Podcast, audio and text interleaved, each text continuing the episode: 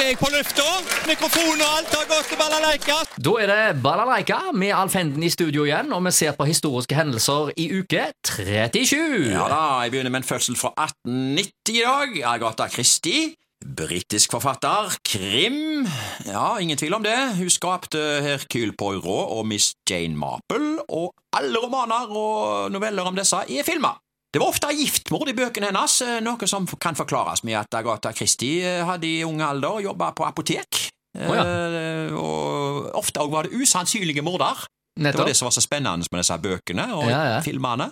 Det var ikke forutsigbart, for å si det sånn. Hvis vi skal trekke fram ei bok og en film, da, så må det vel bli Mord på Orientekspressen. Mm, Den fikk ja jo uh, Det går ikke om bord i Orientekspressen uten å tenke på denne her filmen her, altså. Nei, nei, nei, så da er du ekstra forsiktig med bestikket? ja.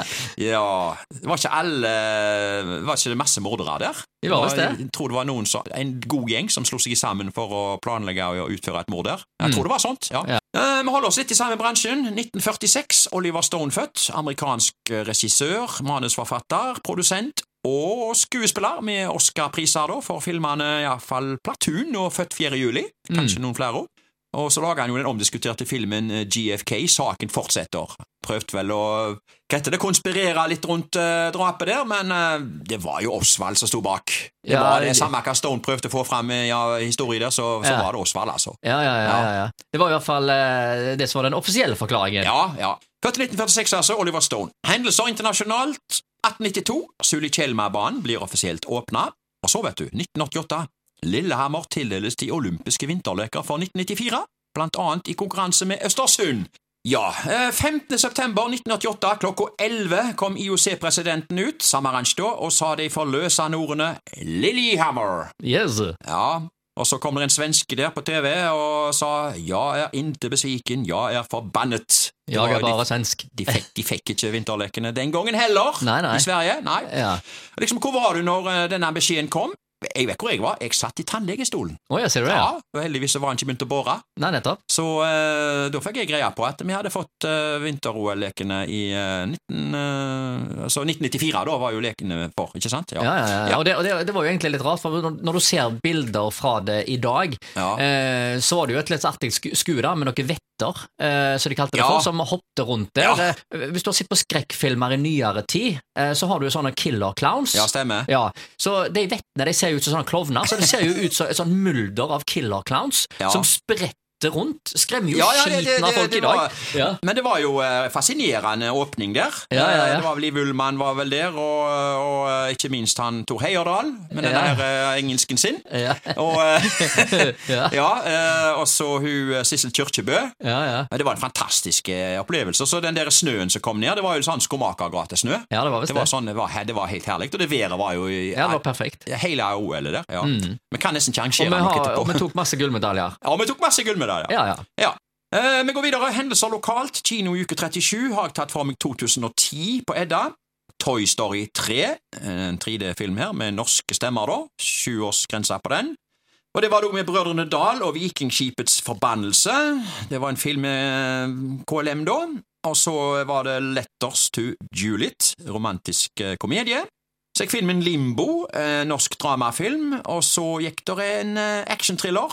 Det står Salt her, men det er vel Salt? Ja, stemmer. Ja. Ja, det, men det blir det samme.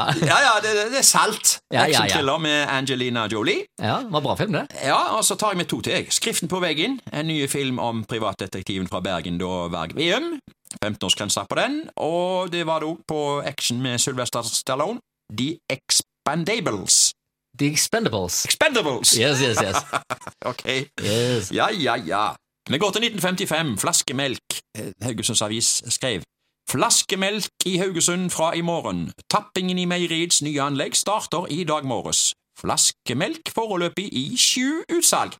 Ja, så i gamle dager så var jo melk på flasker, eh, og det var jo egne spesialbutikker for melk. Um, så ble det jo eh, Etter hvert så kom jo melka inn i de ordinære kolonialbutikkene. Men før dette her med melk på flasker, så var det jo i spann. Ja, jeg husker det. veldig godt Ja. det kjempesvære spannet. Ja, ja, og bøndene de hadde jo sånne melkestasjoner nær sagt på busstoppene før. Så, Ja. så de satte melkespannene på, så tok eh, bussen spanner spannet med seg. Ja, og det var på melkeramper. Ja, melkeramper heter det. Ja, ja, ja, det satt vi og skrev bilnummer da vi var små. Ja, på disse melkerampene. Ja, ja, ja. Noterte bilnummer på alle bilene som kjørte forbi, spesielt de utenlandske. Ja. Det eneste som lot kjøre forbi uh, uten å bry oss, det var jo biler med elskilter, Ja. for de var fra Rogaland. Ja. Melkerampene de er borte, De er borte, vet du! men det er fortsatt ramp. Det er fortsatt ramp, ja! ja. Ja, ja. Vi, tar, ja. Vi tar en sak til fra 1971 her. Um, selvbetjeningsbutikk for sko. Haugesunds Dagblad skrev Haugesunds første selvbetjeningsbutikk i sko, Bonussko, åpner sine dører i dag. Den ligger midt i Sørøygaten. Avdelingsleder Einar Larsen opplyser til HD at selvbetjeningsprinsippet i skotøy har slått markert igjennom både i Danmark og Sverige, og jeg tror det har alle muligheter til å gjøre det samme også her. Ja, dette var altså 1971, og da var nok storhetstida for klogger over. Eh, folk ville sko seg opp. Sko til fest, eh, lakksko, fritidssko. Mm. Jeg syns alltid det er vanskelig å kjøpe sko, jeg. For du kan bomme så mye der. Altså, det? Altså, eh, de skal, de, skal passe, altså. Oh, ja. Skjorte eller bukse, eh, putt, putt. Men sko, de må jo sitte skikkelig. Ja, ja. Du kan Men, altså, gå du går jo de på en måte litt inn nå, da. Ja, jo, Så de, de utvider seg litt og litt sånt. Det blir mye prøving og feiling. Gjør det det? Ja, eh, Å, jeg har det er faktisk noe jeg ikke, den dag i dag ikke ser fram til, det er å kjøpe nye sko. Du nettopp, nettopp på grunn av det der, der altså. Jeg Ja, ja, er ja. usikker på, på eh, hvordan de sitter på foten. Ja, nettopp. nettopp. Og eh, av og til så er det gjerne også sånn at det, jeg tror nesten alle har et eh, føtter som den ene er noen millimeter større enn Ja, den det er helt sikkert forskjell på, på eh, alt mulig. Så det Ja. er ikke to like mennesker i denne verden, så Nei, det er sikkert noen utfordringer der òg. Ja, ja, ja, Ja, ja, ja. så jeg liker den dag i dag. Ikke, så, jeg er ikke så veldig begeistra for å kjøpe sko, men vi må jo ha de på oss. Ja, ja, ja. Da er det egentlig bare én ting å spørre om. Ja. Kjøpe nye sko! Hold on! Nei, det er not. Det-